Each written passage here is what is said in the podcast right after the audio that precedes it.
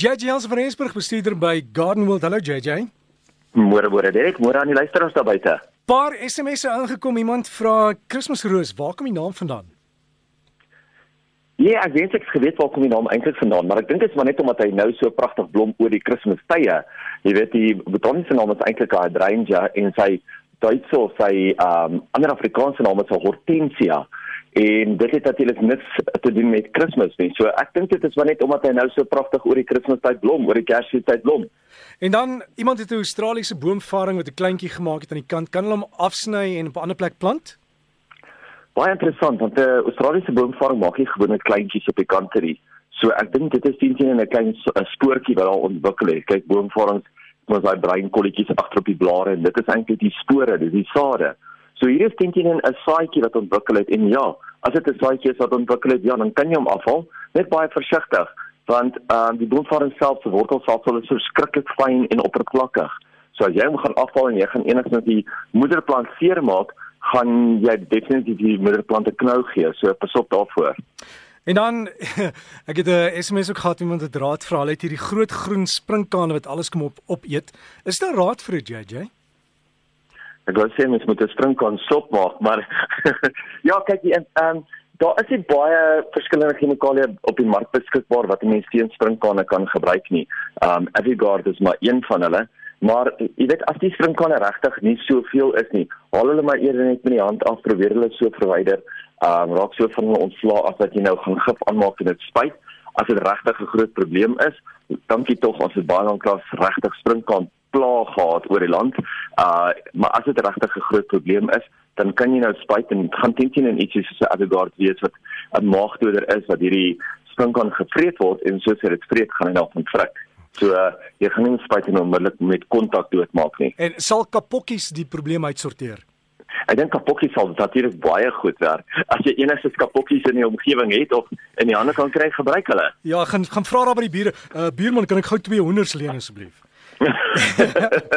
JJ dan uh Japie trek hy het yesterday today and tomorrow wat wil saamvat kan die bome of plante oorgeplant word. Hulle kan oorgeplant word, dis nou natuurlik 'n baie slegte tyd van die jaar om dit te doen, maar as jy dit moet doen, gaan jy ten minste halfpad met terugsny, die helfte van die plant met terugsny en hom net baie versigtig met uithaal.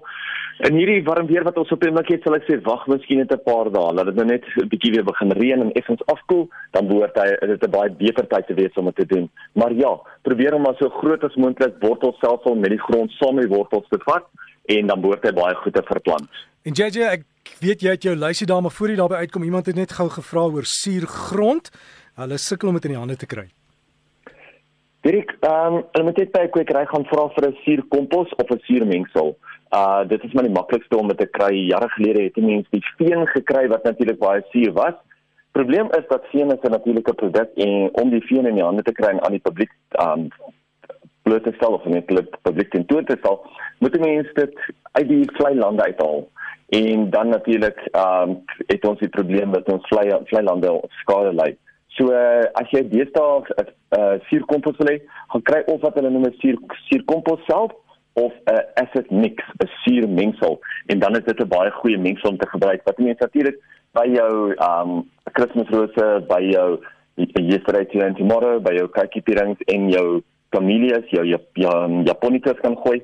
Hy sal baie goed daarvoor werk. Maar dit het so gepraat van hierdie week was 'n ontsettende warm week gewees reg oor die hele land en ja ons het op skool geleer dat dit nou nog eers lente is so dat mense weer eens besef hoe belangrik dit is om bome te plant en as ons aardverwarming enigstens wil teenwerk moet ons baie meer bome in die grond kry die mikroklimaat wat onder die bome gevorm word is so anders en verskillend as enige afdak wat jy kan oprig enige gebou wat jy kan oprig Mens kan ook duidelik sien wat is die verskil van 'n immergroen teenoor bladwisselende bome, bome met spikkelskadu teenoor bome met 'n baie soliede skadu. So ek dink iedere van elk van ons moet nou deur gaan en gaan kyk, hoe kan ons, waar kan ons ekstra bome in die tuin plant? Ek het 'n middelgrootte tuin hier by my huis en ek sal skat ek het seker 'n goeie 10 bome hier by my. Maar ek dink ek het ek het omtrent so 'n helfte wat ek moet hê as ek regtig my my erf self wil afkoel. So dis nou 'n baie goeie tyd om net uit te gaan met jy kyk en jy sê weet jy wat kom ons kyk waar kan ons bome plant wat ons net kan help om hierdie hitte golf wat ons kry te breek. Nou is ook 'n baie goeie tyd om jou onthaalarea reg te kry en te beplan vir die Kersonthaalarea. Daar wil jy gaan weet gedurende Kersfees. Met die petrolprys wat dit is, dink ek verskeie mense gaan eerder by die huis bly. En ja, wie wil nou die Desember vakansie in 'n valtuin wees? Kyk na 'n mooi groepering van potte by die voordeur, 'n fonteintjie by die onthaalarea, dalk 'n mooi bankie of 'n fokuspunt of selfs net 'n poolbaadjie. Maar maak jou tuin meer spesiaal en is regtig nou 'n goeie tyd om dit te doen. Baie keer hoor mense van plantvoedingsstowwe en kunsmis en dis nogal verwarrend as mense self weet waarvan daar gepraat word nie. Anders as kompos is baie die voorafgenoemde produkte eintlik plantvoeders waar kompos eintlik 'n grondkondisioneerder is. Plantvoedingsstowwe in Engels beter bekend as plant food is oor die algemeen beskikbaar vir plante om te gebruik en sal oor die algemeen nie maklik brand nie.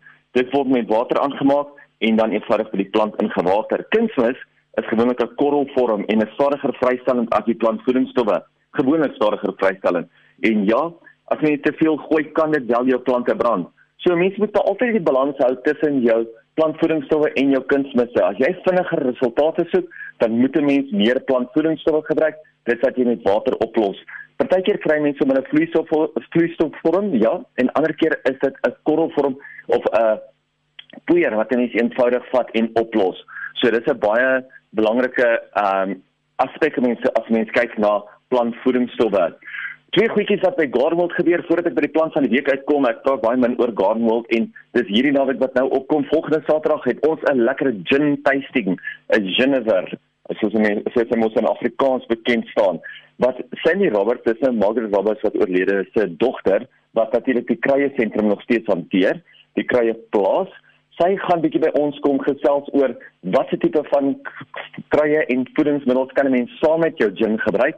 Hoe kan 'n mens dit op die mees gesondste manier doen? Ek dink jare gelede was dit wat dit net uh kaas en wyn wat mense kaas en wyn kon proe en dit was omtrent die enigste versnapperingkie wat 'n mens kon geadverteer het. Nou deesdae met hierdie nuwe gin tasting, Genever, is dit eintlik ongelooflik lekker. So, vir die van julle wat belangstel, kontak ons gerus van loer op ons webtuiste of kontak Magriet by 957255 957255 jy kan ook by haar bespreek vir ons Kersfunksie. Nou hierdie jaar het ons nie 'n Kersliedere by Kerslig nie, ons het eintlik 'n Kerskonsert.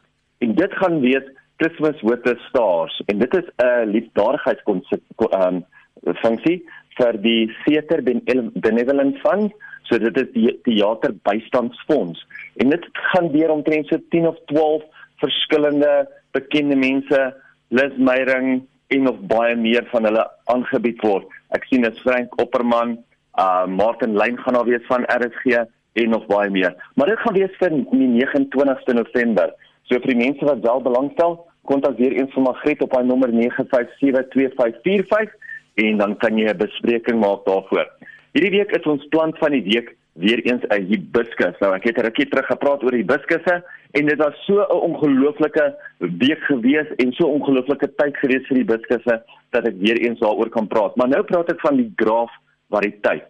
Nou dit is 'n perfekte plant wat nooit ophou blom nie. Dit die lekker ding met die hibiscusse wat jy beestal kry van al hierdie graaf variëteit is dat hy groei ook nie so groot nie. Hy groei maar skaars so 2 meter hoog. So dis nie daai enorme bosse wat 'n mens net in groot tuine kan plant nie. Jy kan hom in die kleiner tuine ook plant. Hy is immer groen. Hy hou van die volson. Hy kan semi-son hanteer. Hy blom onophoudend, maar onthou die graafvariteite hou nie van die koue nie.